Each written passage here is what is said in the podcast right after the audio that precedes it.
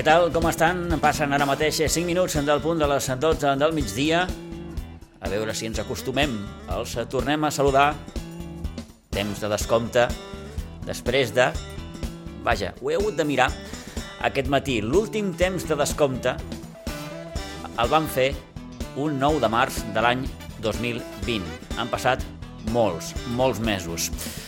I encetem de nou la temporada de programes esportius a la sintonia de Ràdio Maricel. Contents, per tant, de poder-los tornar a saludar de nou al temps de descompte que a partir d'avui, tots els dilluns de 12 a 1 del migdia, els portarà la crònica esportiva del cap de setmana. Temporada esportiva que, com aquest qui diu, eh, acaba tot just de començar i un cap de setmana que ens ha dut resultats de tota mena, com acostuma a passar gairebé sempre. El més cridaner, sense cap mena de dubte, té un nom propi. Es diu Pau Garcia i és membre del cos tècnic del patinatge artístic Sitges. Pau Garcia s'ha proclamat recentment campió del món de patinatge artístic en la modalitat lliure. És molt jove, té només 20 anys, però un currículum important perquè en Pau ja ha estat campió del món en dues ocasions, en categoria júnior, i 16 cops, 16 cops campió d'Espanya, a més de 4 d'Europa. En fi, la felicitació més gran i l'aplaudiment més gran per en Pau Garcia, com els dèiem, membre del cos tècnic del patinatge artístic Sitges, campió del món de patinatge. I el Rugby Club Sitges, que ha jugat ja en el seu primer partit a la divisió d'honor B. Per tant, ja sap com les gasten. Deia el seu entrenador Camilo Hangling el passat divendres que aquest primer partit a Saragossa davant el Fènix podia ser una bona manera de veure quin és el nivell en el que es troba el Rugby Club Sitges que va sortir àmpliament derrotat de Saragossa. 66 a 3 es va imposar el Fènix Rugby Club Bé, el Fènix, que és un equip que diuen està cridat a lluitar per pujar a la divisió d'honor aquesta temporada. La crònica futbolística ens portarà també a repassar la tercera jornada segona catalana i el derbi d'ahir a Olivella, on la Unió Esportiva Sitges es va acabar imposant per 0 a 1 gràcies a un gol de Carlitos Enarejos al minut 70, un Sitges líder, amb tres victòries en tres partits disputats. A la tercera catalana, el derbi del Bosc de Plaça va suposar la primera derrota per al Sitges B i el cinquè triomf d'un Ribes sòlid que segueix liderant la classificació. Es va imposar el conjunt ribetà per 2 a 1, però la sensació que el Sitges B hagués pogut treure com a mínim un empat a la segona meitat. En bàsquet els parlarem i els recordarem que el bàsquet de Sitges es va imposar per 74-63 a un bon Reus deportiu en el duel d'imbatuts ahir a la tarda a Pinsbens, partit igualat que es va trencar al tercer parcial amb un 20 a 9 i que va tenir en Oriol Camproví i Nacho Velasco amb els seus màxims anotadors. 12 i 8, comencem el primer temps de descompte de la temporada.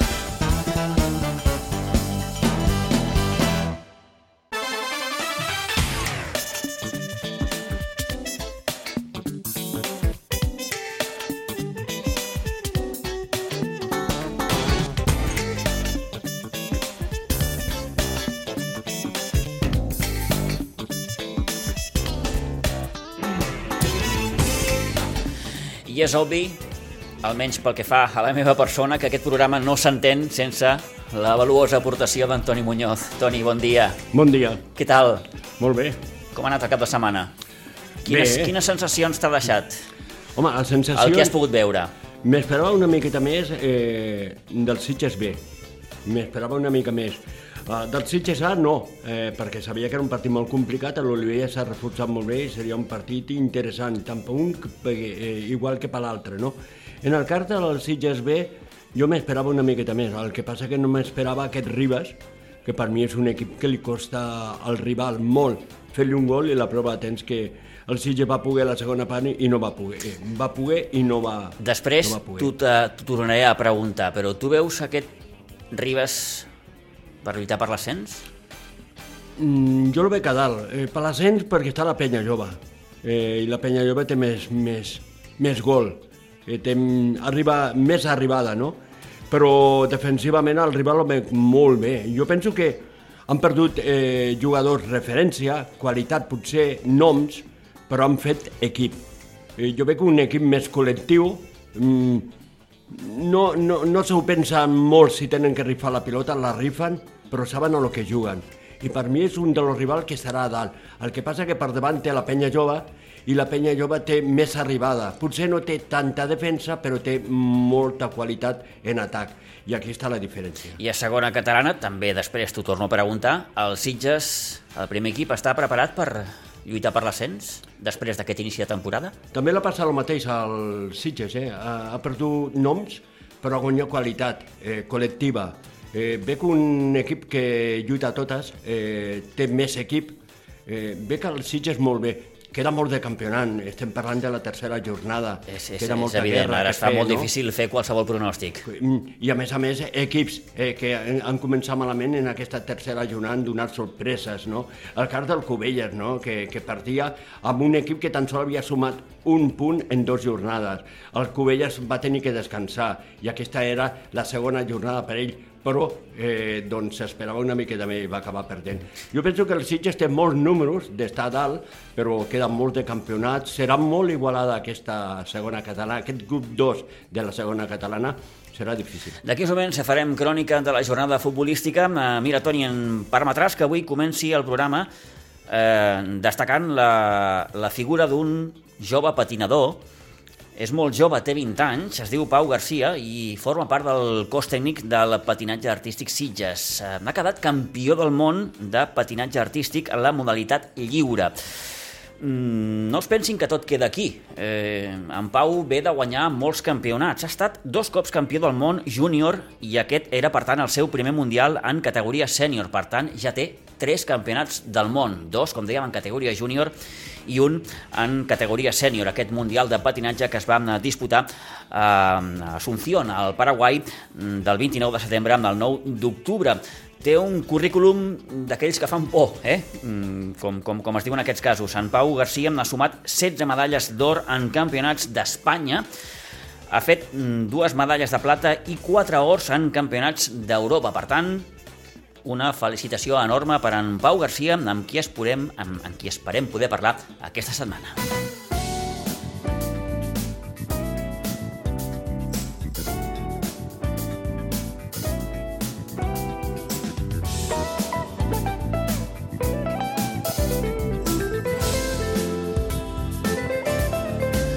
Dotze i 12 minuts del migdia, deia Camilo Hangling el passat divendres, el partit a Saragossa davant el Fènix ens podrà eh, servir per veure quin és el nivell que pot arribar a tenir l'equip en aquest inici de temporada.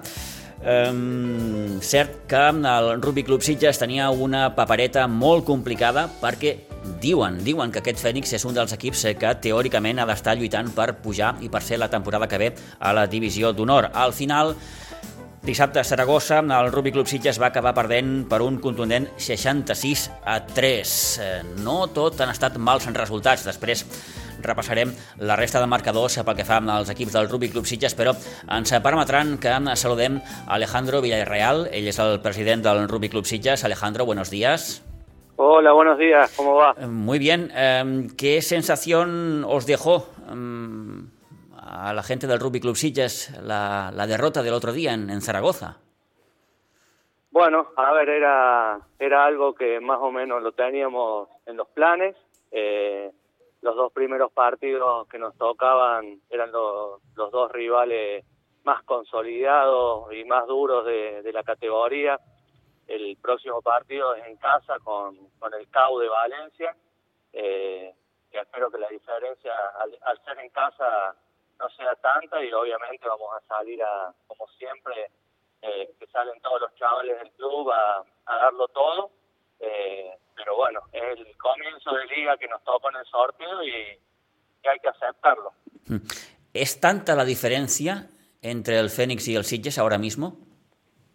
Yo creo que mm, al, eh, fue el primer partido y con, la, con, con nuestra plantilla más aceitada si este partido se hubiera jugado a mitad del, del, torneo, la diferencia no es tanta. O sea, estoy totalmente convencido. Tuvimos un momento, un mom Alejandro, Alejandro, discúlpame, si te puedes mover un poco, mm, porque mm, te escuchamos un poquito mal, no sé si... ¿Ahora? Si, si... ¿Hola? Ahora, ¿Ahora? ahora parece que mejor, ahora parece que ¿Ahora? mejor. sí.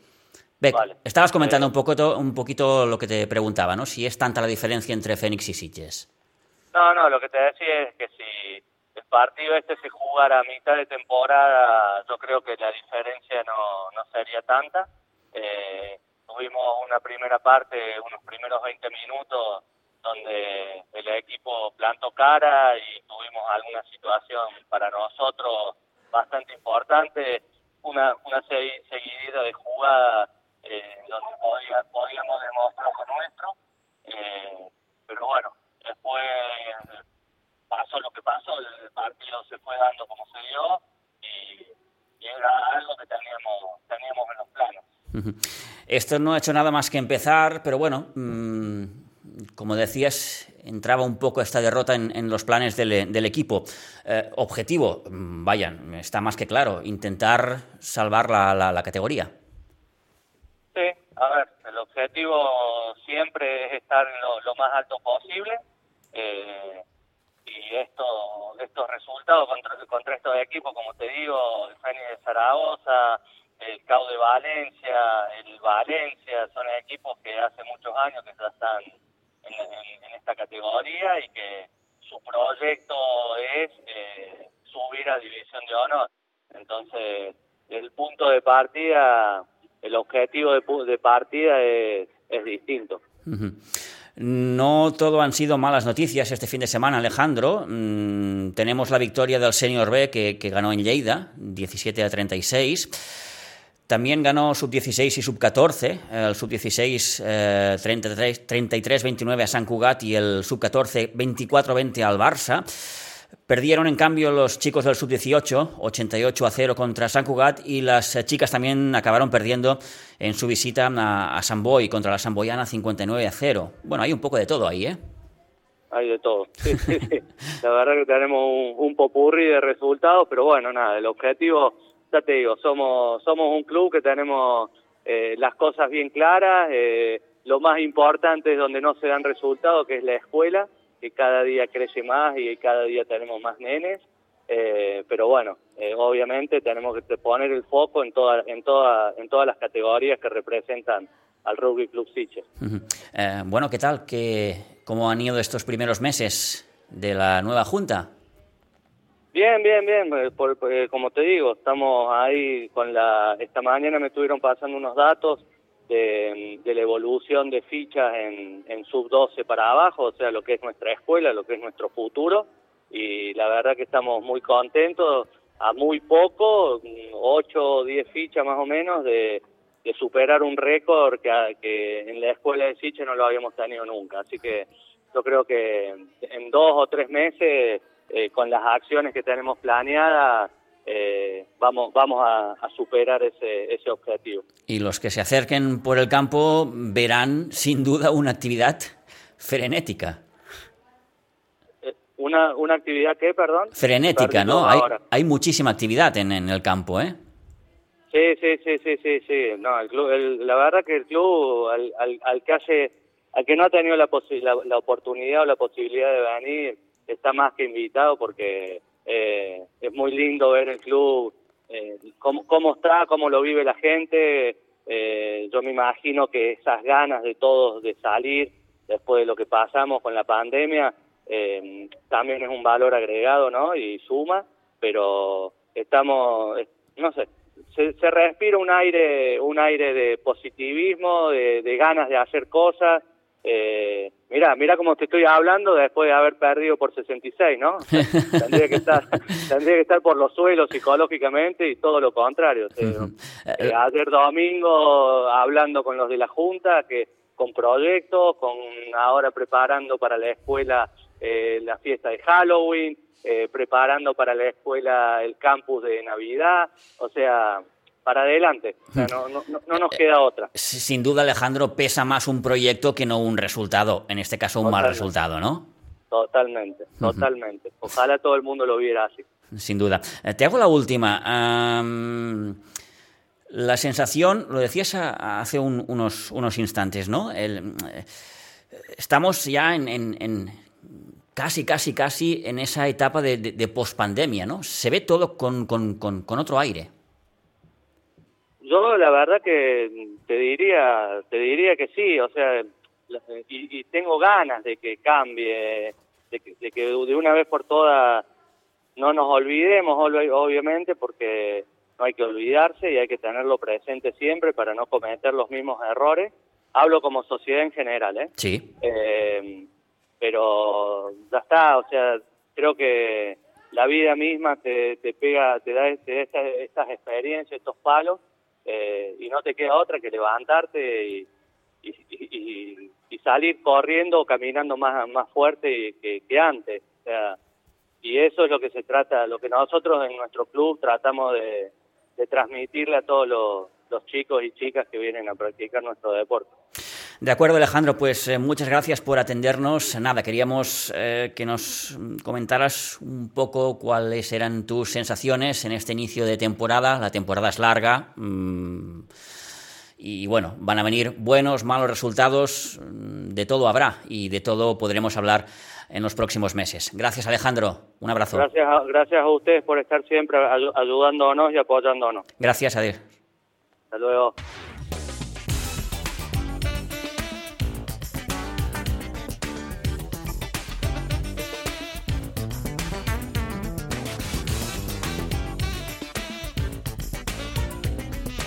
Bé, doncs, a banda d'aquest 66 a 3 del Fènix davant el Rugby Club Sitges, aquesta primera jornada amb la divisió d'honor B del rugby estatal ens ha deixat la resta de resultats. El Cau València 40, Buc 21, l'Hospitalet que es va imposar 35 a 11 amb el Sant Cugat, també va guanyar amb el Poble Nou 40 a 7 davant el Barbarians de Calvià, el Gòtics que va perdre amb la casa 10 a 23 amb l'Acra Bàrbara d'Alacant i el darrer dels resultats és el Rugby Club València 15, Sant Roque 20.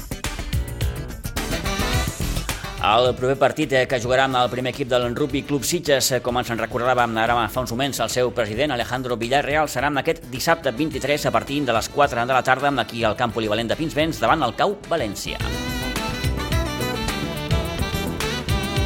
I pel que fa a la resta de marcadors dels equips del Rugby Club Sitges, el sènior B va guanyar 17 a 36 en la seva visita amb el camp de l'INEF Lleida, derrota en canvi del sub-18 88 a 0 al camp del Sant Cugat, a la Guinardera. Va guanyar en canvi el sub-16 33 a 29 davant el Sant Cugat. També victòria del sub-14 24 a 20 a Pinsbens davant el Barça en rugby i derroten de l'equip femení 59 a 0 davant la Unió Esportiva Sant Boiana.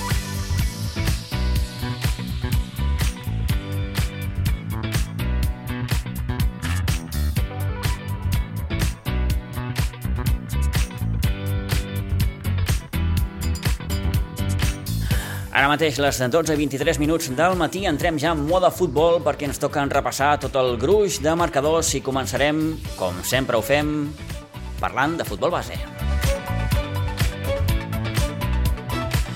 I tenim ja a punt l'Isidre Gómez perquè ens repassi de dalt a baix tots els resultats dels equips de la Blanca Subur. Isidre, molt bon dia. Molt bon dia. I ben retrobat de nou. Ja si me'n recordo de fer-ho, eh? eh? Sí, sí. Bueno, has tingut la sensació, la mateixa sensació que nosaltres. A veure si ens en recordem de, de com funciona tot això, perquè des d'aquell 9 de març de 2020 eh, han passat molts mesos i ha plogut una miqueta. Eh, però bé, com que sabem del que parlem, en definitiva, eh, doncs eh, estem molt contents de tornar a saludar l'Isidre, que ens farà repàs de la crònica dels equips de la Blanca Subur i hem de començar, Isidre, parlant d'aquest juvenil de preferent que li està costant d'arrencar la temporada, tot i que ahir per fi va sumar el seu primer punt. Aviam, és un equip molt jove perquè dels 20 i pico jugadors que hi han, només 8 són d'últim any, tots els altres són de primer i de segon any, o sigui que és un equip bastant jovenet. Tot i amb això, mmm, el mateix problema que tenim quasi cada any, és ens falta allò, el, el gol, el gol arribem, arribem, però no, no ens costa marcar. Uh -huh. Tot i amb això, doncs, mira, ahir, tot i l'empat, eh, va ser un punt molt merescut perquè també el que teníem davant, que el va ser que Calafell, si haguessin guanyat, haguessin posat líders, o sigui que era un bon equipet. Uh -huh. Molt fort, el nostre, doncs, ja dic que al ser més jovenet, doncs, encara ens falta alçada i, i pes, però estem contents amb el punt aconseguit. A l'escola de futbol base Calafell, que va començar marcant el 35, el 0 a 1, l'empat a 1 que no va arribar fins al minut 72. Marc López era l'autor del gol de la Blanca que li permetia sumar, com diem, aquest primer punt de la temporada després de les tres primeres derrotes. Eh, ara mateix la Blanca ocupa el penúltim lloc de la classificació amb aquest punt té un partit... Vaja, això dels partits difícils eh, ho són gairebé eh, cada cap de setmana. El proper serà en el camp del Nàstic B, per tant, una bona revàlida per als nanos d'aquest eh, juvenil A. Um, hem començat per aquí, per aquest eh, punt que va sumar amb el juvenil A pel que fa a la resta, Isidre. Doncs pues mira, seguirem per ordre de categories. El juvenil B va guanyar 0-3 al camp de l'Atlètic Cubelles. En categoria cadet, el cadet A es va imposar 1-2 al camp de l'Igualada. El cadet B va guanyar a casa 4-0 al Cubelles A en categoria infantil, l'infantil A va guanyar 2 a 3 al camp del Sant Boià. L'infantil B es va imposar 2 a 1 a Pinsbens a l'Ateneu Igualadí i finalment el C va empatar 1 a 1 a Pinsbens contra el Riu de Villas A. En categoria Alevin, l'Alevin va perdre 4 a 5 front al Ribes a Pinsbens. L'Alevin B es va imposar 2 a 5 a l'Atlètic Sant Just el C va guanyar 2 a 12 al camp del Vilanova i la Geltrú i finalment el D va perdre 0 a 7 contra el Mar Barca a Pinsbens. En categoria Benjamí, el Benjamí es va imposar 0 a 5 al camp de la Penya Jove de Roquetes. El B va guanyar a Pinsbens 5 a 3 a l'Escola de Futbol Gavà. El C es va perdre 5 a 2 al camp del Vilanova i la Geltrú i el D es va imposar 2 a 0 a Pinsbent al Sant Cugat Ses Garrigues. Fent aquells resums que fèiem antanyo, teníem 10 victòries, dos empats i 3 derrotes que es pot considerar una bona jornada. Oh, i tant. Uh, Isidre, quins aires es respiren pel nou Pinsbens, ara que sembla que la cosa ja torna més bueno, o menys a lloc? Bueno, recuperant la normalitat. Sí que és veritat que aquest any hem perdut un Ale20, falta de, de, de, de canalla, mm però bueno, tot el més ho hem pogut completar. Amb el tema també de l'escola doncs estem recuperant nens, que l'any passat en vam tenir poquets, aquest any ja hem començat el primer mes, ja tenim mm, quasi el doble dels que teníem l'any passat, o sigui que la vida va retornant. Ara aviam si pot continuar la cosa així i que no hi ha més ensurts aquest any i, i ens podem normalitzar tot plegat. I pel que fa als objectius de la temporada, sé que és complicat, perquè evidentment estem parlant d'una escola i de moltíssims equips. Mira, nosaltres sempre tenim la mateixa filosofia, que els nois vagin aprenent.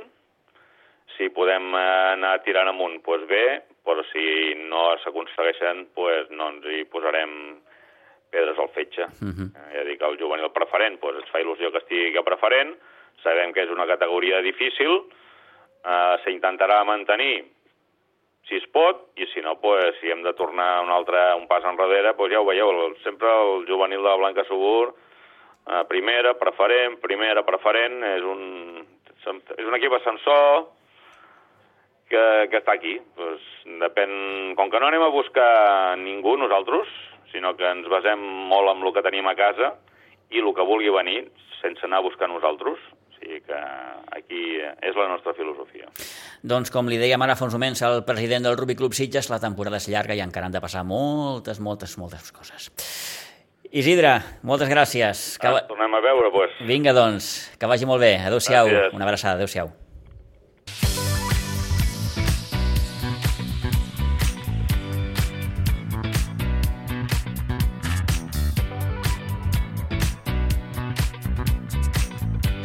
Bé, doncs, coneguts ja amb els resultats dels equips de la Blanca, en repassem ara amb els que han aconseguit els equips també del futbol base de la Unió Esportiva Sitges, començant pel seu juvenil A, que va perdre amb aquí a Iguadols 0 a 1 davant la Unió Esportiva Castelldefels.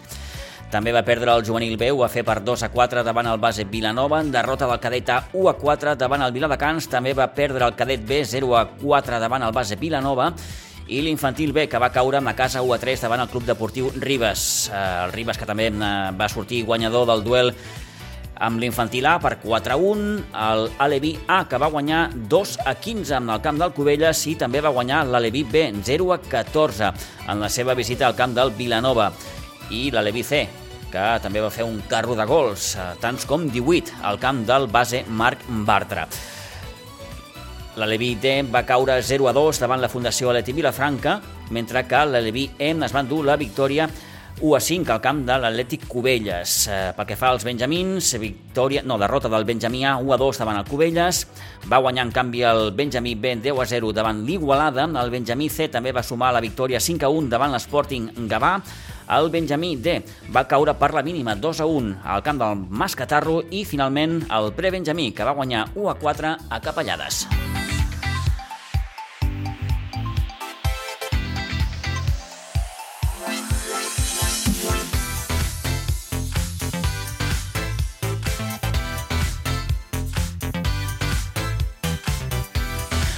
Dos quarts en punt d'una del migdia, entrem ja en matèria futbolística pel que fa a la segona i tercera catalana, temps de començar ja a repassar els marcadors de la jornada.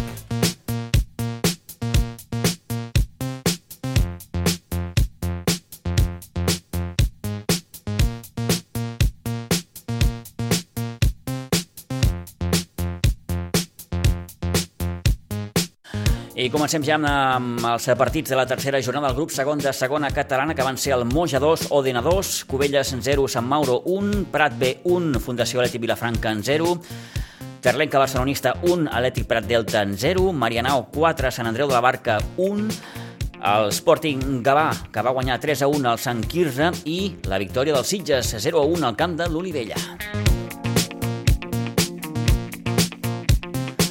El Sitges, que gràcies a les tres victòries en tres partits, eh, mana la classificació, té 9 punts, seguit del Marianau amb 6, els mateixos que el Sant Andreu de la Barca, 4 punts per l'Sporting Gavà, pel Prat B, per l'Atlètic Prat Delta, pel Sant Mauro i pel Terlenca. Tres punts sumen el Cubelles, el Montserrat Igualada, la Fundació Aleti Vilafranca i l'Olivella i tanquen la classificació. Els tres últims ara mateix són el Moja amb dos, també amb dos el Sant Quirze i l'Odena amb un.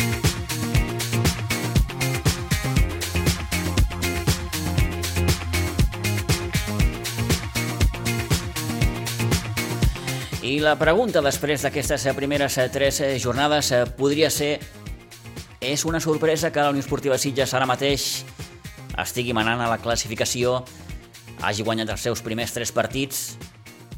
Toni, no, què creus? No, jo penso que no és sorpresa, eh, i t'ho diré perquè eh, sí que a casa ha rebut tres gols, però que en contrari no ha rebut cap gol. Això vol dir que està treballant, perquè de fet va guanyar el camp del Montserrat Igualada per 0-1 sí, senyor. i ha guanyat el camp de l'Olivella per 0-1, no? Eh, de fet, eh, ja ho deia la Luri, eh, l'entrenadora de la Unió Esportiva Sitges, eh, Luri Serroche, ja ho deia l'altre dia, eh, el meu sistema, mm, mica mica, l'estem eh, portant endavant, eh, i estic molt contenta perquè està funcionant. No? El sistema de l'Uri és claríssim, és que l'equip doncs, eh, jugui molt col·lectivament, eh, doncs que s'arribi però que no encassin gols, eh, i lo està aconseguint, sobretot a Can Contrari. I per mi no és sorpresa per això, tot i que eh, el campionat de, l'inici de campionat del Sitges no ha sigut fàcil. No. Vas al camp del Montserrat Igualada, reps aquí al Moja amb el que significa eh, l'entrenador que fins ara havia entrenat sí, era, el Sitges. Era un partit amb un, component, amb un component emotiu especial. Clar, i després vas al camp de l'Olivella, un Olivella que és un derbi que es coneixen molt bé i que a més a més és un equip que al seu camp és molt difícil de guanyar. 0 a 1 gràcies a un solitari gol de Carlitos Enarejos, després d'una primera part força igualada. A la segona, mm, el Sitges amb un puntet més físicament potser va, va, va acabar de, de doblegar l'Olivella. Sí, el Tots Sitges... els sabem el que és jugar a Olivella, camp més petit, un, un, un equip també molt, molt, molt físic, molt treballador, el conjunt de Rafa Porras i Arturo Valera, en fi, que no és fàcil eh, puntuar a la crivellera. No, no és fàcil i jo penso que doncs, eh, hi haurà pocs equips que siguin capaços de puntuar ja Eh, I tant de bo sigui així, perquè això vol dir que l'Olivella, l'objectiu més... És que, clar, els objectius són molt diferents. L'objectiu de l'Olivella és mantenir la categoria, i ho deixava ben clar Rafa Porras, i l'objectiu del Sitges és estar el més alt possible, si pot ser, eh, pujar de categoria, no? Són dos objectius més clars. Però què passa? Doncs que l'Olivella a casa és un equip molt complicat, ha fet un bon bloc, té molt bons jugadors, i no tan sol eh, treballa molt bé en defensa, sinó que ofensivament físicament té jugadors que poden marcar molt la diferència. La prova té el primer partit amb la Fundació Atlètic Vilafranca, no? eh, que va acabar golejat al camp de l'Olivella. Eh, jo penso que farà un bon campionat i per això era molt difícil. En la primera part el Sitges se va adaptar bé al camp, va treballar, va ser un partit molt físic, eh, en què els protagonistes van ser tant un porter com l'altre, perquè van tenir ocasions tant un com l'altre, però eh, va estar molt ordenat els porters i van treure aquestes eh, jugades de perill. I a la segona part eh, el Sitges va donar un passet més endavant eh, i en, dintre d'aquest passet tenir jugadors, i ja lo destacava Rafa Porra, eh, tenir jugadors com té el Sitges experimentats de diferent categoria que marca diferència. I el gol eh, doncs de Carlos Narejo donava els 3 punts. Eh, se'm fa difícil ara mateix, Toni, comparar amb aquests Sitges amb l'últim Sitges, no? Perquè venim d'on venim, venim d'una temporada estranya amb la pandèmia, es fa difícil, no? De dir, aquest Sitges és millor que, que, que l'últim del Manel, o... Uf, és, és complicat.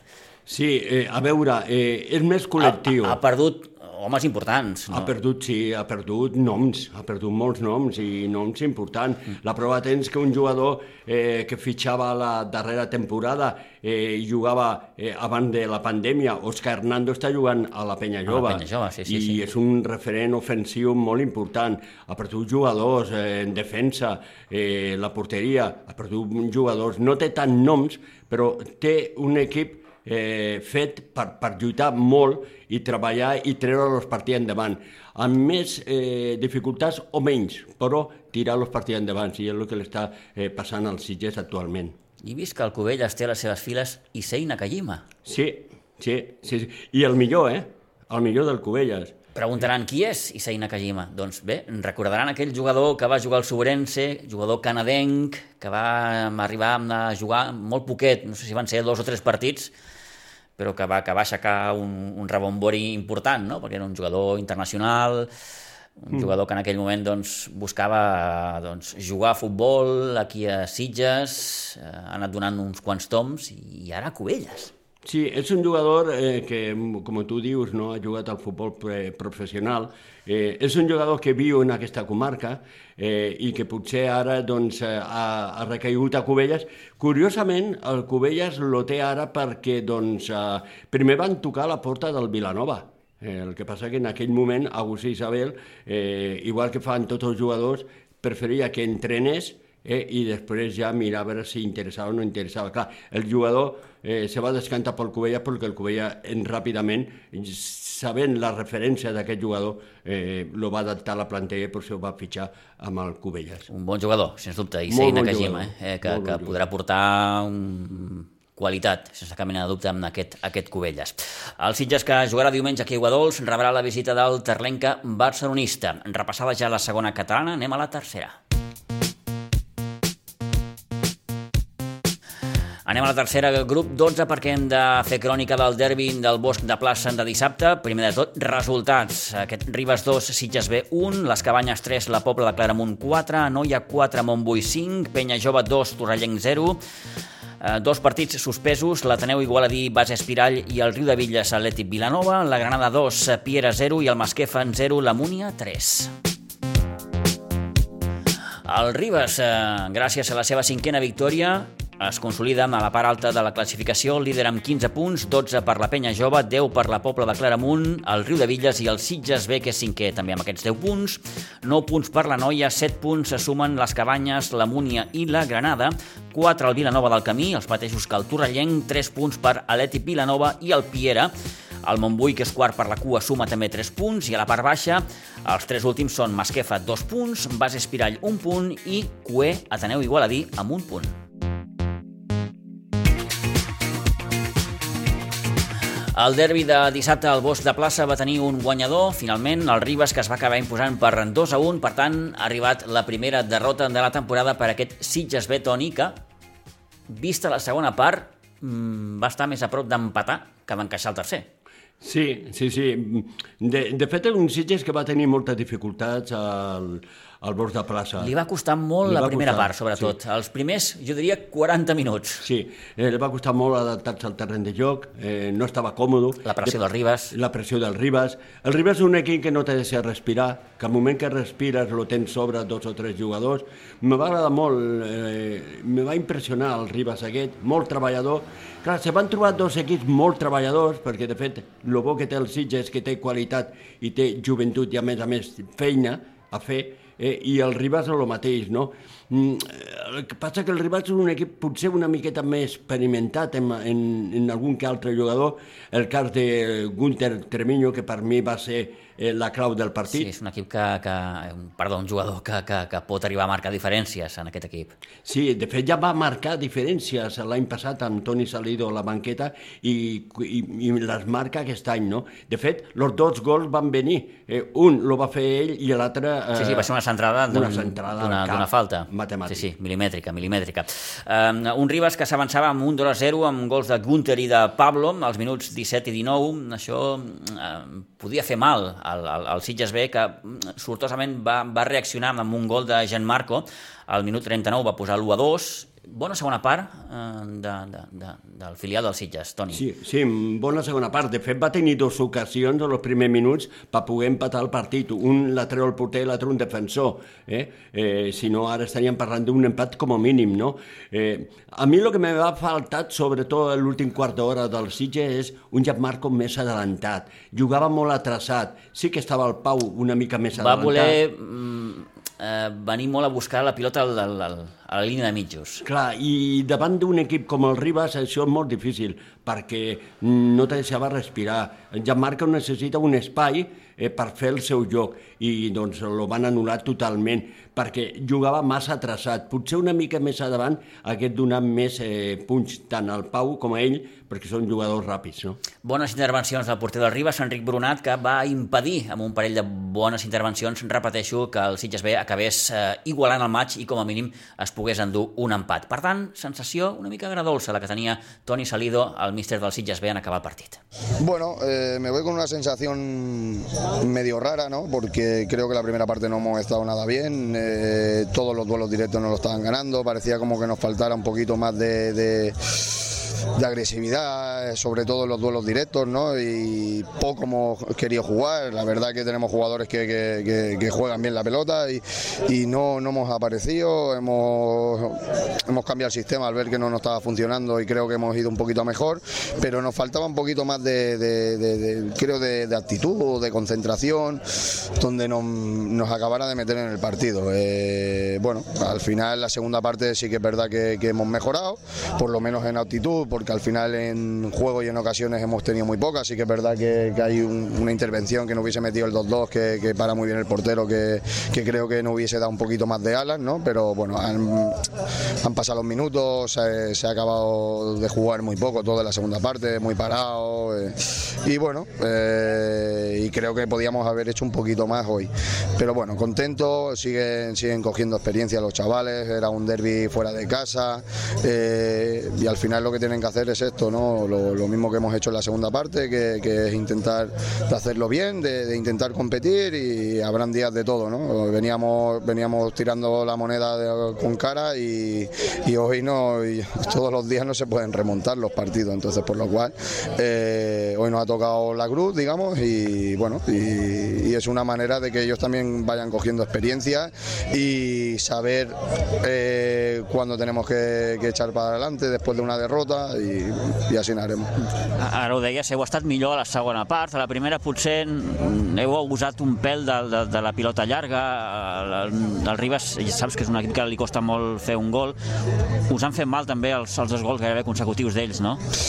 Bueno, eh, he- hemos empezado porque la presión no la estábamos haciendo bien, ellos tenían comodidad a la hora de salir, los balones largos no, no- lo hemos tenido que lanzar porque la, presión que nos estaban haciendo era, era bastante fuerte y nosotros no hemos acabado de estar cómodos y, lo que sí que tienen claro los chavales que, que, que riesgos no podemos cometer y si hay una presión alta y se tiene que lanzar y estar en una fase donde, donde tienen que ser balones largos, pues tenemos que asumirlo.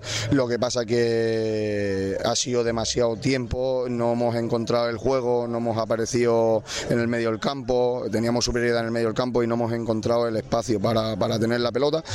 Y bueno, y al final ha sido un monólogo donde el equipo no se sentía bien y, y ellos se sentían muy a gusto porque no, no acabamos de apretar. Sí que es verdad que cuando nos meten el 2-0 cambiamos el sistema y aparece que todo se vaya poniendo en su sitio, se igualan las condiciones.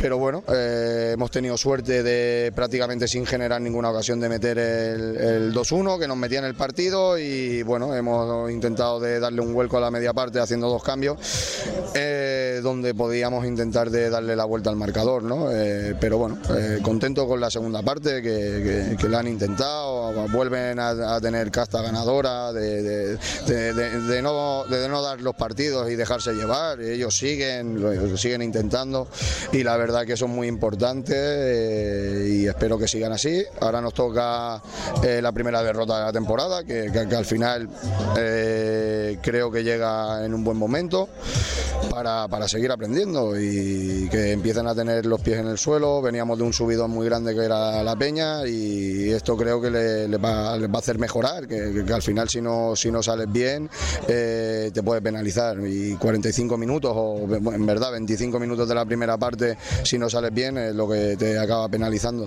Com has vist el Ribas, un equip que té les idees molt clares i que de moment està allà a victòries consecutives. Bueno, es que al final veníamos al campo del líder, lo están haciendo bien, han ganado Atleti Vilanova, eh, bueno, eh, vienen ganando todos los partidos y claro, para ganar todos los partidos algo bien tienes que tener. Yo a la mayoría de jugadores lo he tenido, he jugado, han estado conmigo muchos años y sabía que aquí nos iba a costar. Eh, pero bueno, eh, al final jugamos contra el líder y nosotros no, no, no, no es un tema de, de hostia que se nos escapa el líder, nosotros no, nosotros no estamos para esto, nosotros estamos para, para aprender, para coger experiencia, para que se hagan en cuarta, en tercera catalana, que se vayan haciendo jugadores, para, para poder ir curtiendo al segunda catalana. O sea, no, no es nuestra guerra, nuestra guerra es de, coger experiencias, de, quedar lo más arriba que podamos y sobre todo de que cada semana compitamos lo mejor que podamos y, y ya está, no, no mucha cosa más. Com t'has sentit, Toni? Ah, Bueno, la verdad que un poco raro. La verdad que un poco raro. Yo personalmente, claro, al final. anys aquí, clar. Al final está muchos años aquí, tengo mucha gente que, bueno, amigos, que al final son, son amigos, no te acabas de sentir cómodo en el banquillo, ¿no? Porque, bueno, te, te- te cuesta apretar jugadas, yo normalmente soy más, más efusivo, ¿no? Ahí en el campo estoy más metido, más, más enchufado y hoy este, sí que es verdad que, que también está un poco raro y también puedo, que puede ser que también haya afectado también a mi equipo, o sea, que al final como to- todo, todos vamos de la mano, o sea, si yo soy el primero que no que creo que no he estado al, al 100% por, por la situación, eh, yo creo que también- puede ser que le haya afectado a ellos, pero bueno, al final el partido ha estado bien, eh, lo hemos intentado y, y ya está, la semana que viene más. Et faig l'última, Toni. Eh, ho deies fa uns moments. L'equip ha de saber trobar la lectura positiva d'aquesta derrota, no?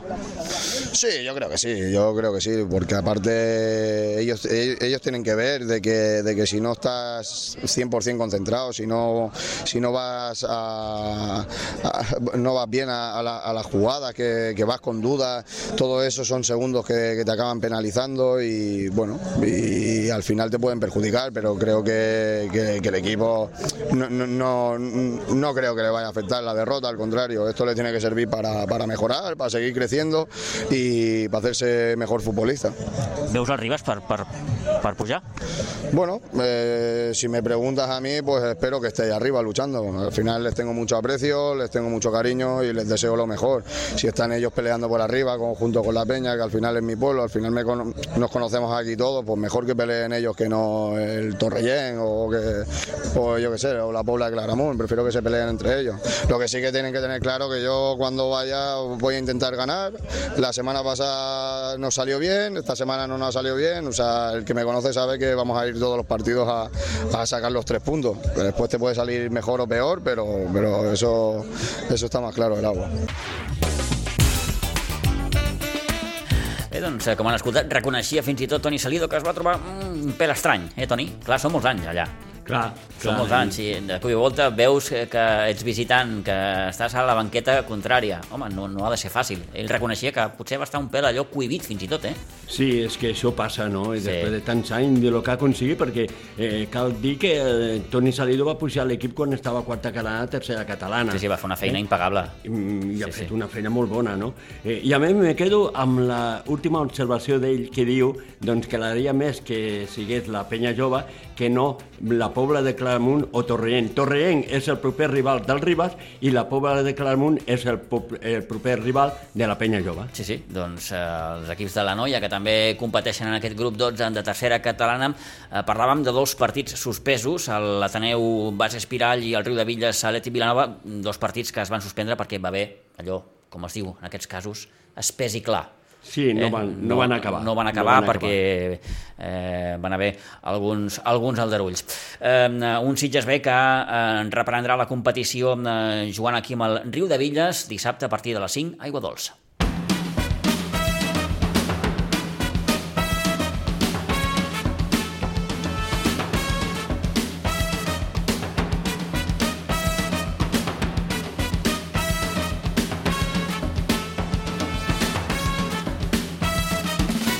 I parlem també de bàsquet perquè en el bàsquet de Sitges, gràcies a la victòria d'ahir davant el Reus Deportiu per 74-63, sumava ja el seu quart triomf i, per tant, líder en solitari.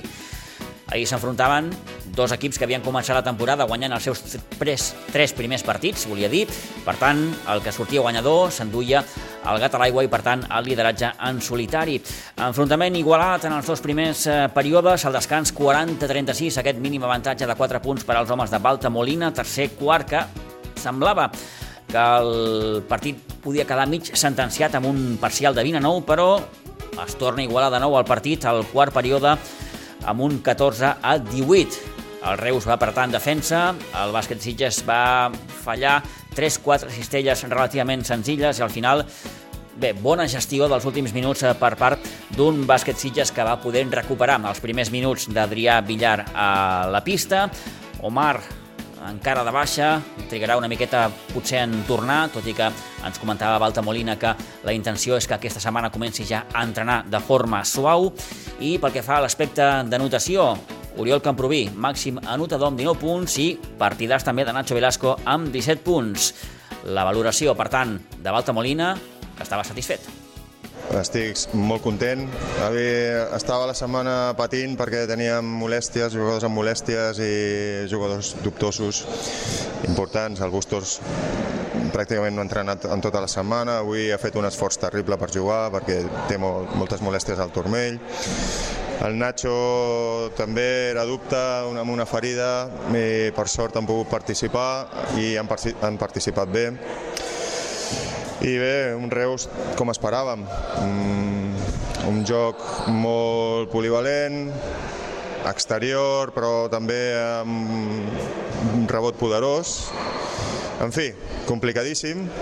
I per sort nosaltres, tot i que no hem jugat prou bé, per moments hem fet un bon joc i sobretot al tercer quart hem apretat en defensa, els hem deixat en 9 punts i això ha estat decisiu pel, per final, pel final del partit, que com s'ha vist, doncs perillava, s'han arribat a posar 4, però amb una petita reacció hem pogut agu- aguantar. Ara t'ho volia comentar, dos primers quarts molt igualats, el tercer feu l'estirada, sembla ja definitiu, però el quart, entre que ells han donat un pas endavant defensivament i que potser, potser vosaltres heu fallat algunes cistelles, entre cometes, fàcils, això us ha complicat. Mira, eh, t'ho anava a comentar precisament jo, eh, quan he demanat temps morts que, s'ha- que s'han posat a 4, els he comentat que bueno, sí que el joc no era fluid, que estava una miqueta entrebancat i amb problemes per la pujada d'intenció de la defensa del Reus, però bàsicament la diferència s'havia escurçat per les 3 o 4 errades fàcils que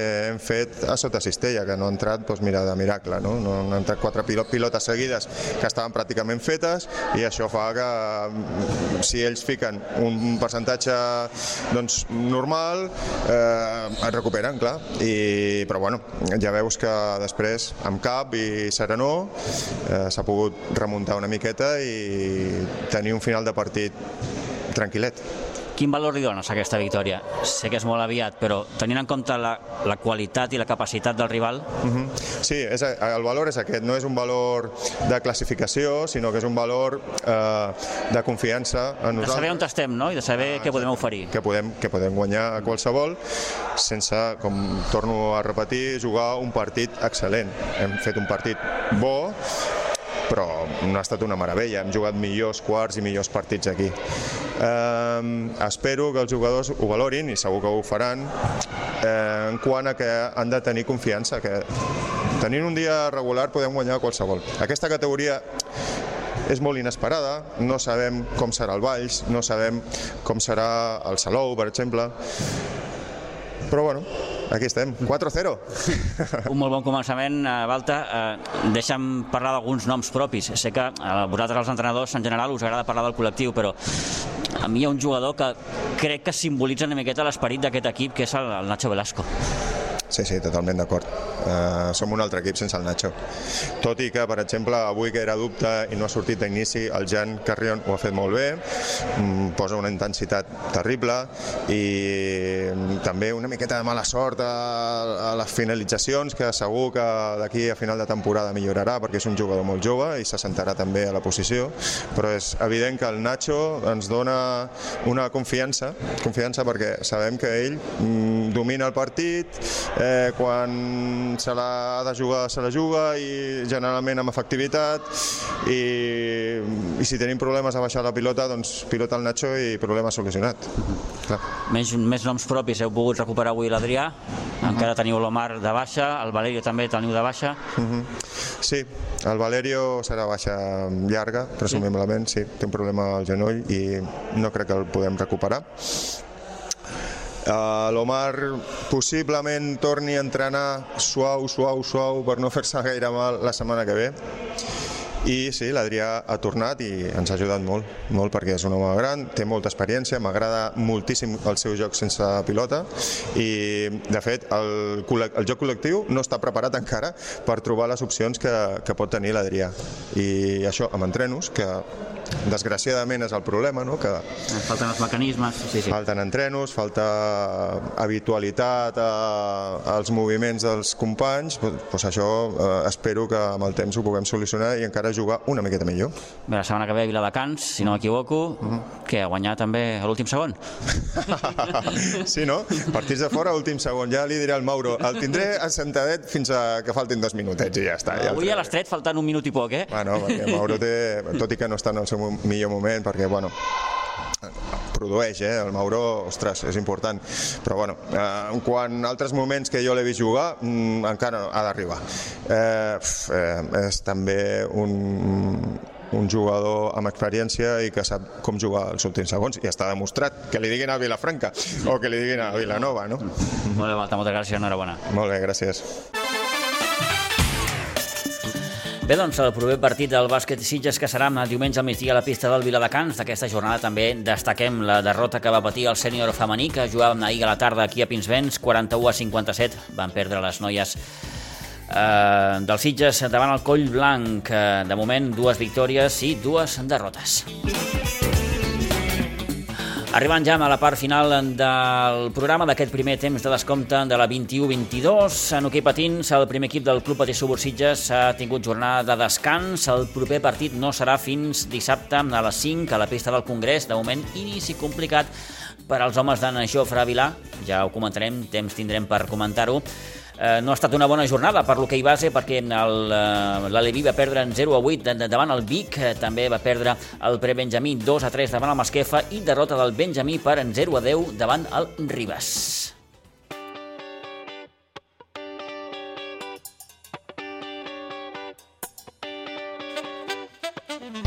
I amb aquests resultats del món de l'hoquei patins arribem pràcticament a la una del migdia. Bé, ho hem salvat bastant bé, això. Oi, Toni? Sí. Eh? sí, sí. per feia, feia temps allò feia que, temps, eh? eh? que no ens hi posàvem, sí. doncs ho hem salvat bastant, bastant, bastant bé. Uh -huh. En fi, contents de, de retrobar-los. Moltes gràcies, Toni. Eh? Eh, fins la propera. Eh, recuperarem també el temps de l'agenda esportiva. Ens podran escoltar el divendres eh, també de 12 a 1 al migdia fent prèvia del que ha de passar esportivament parlant al cap de setmana. Per tant, feliços de retrobar-nos. Divendres, més esports. Adéu-siau.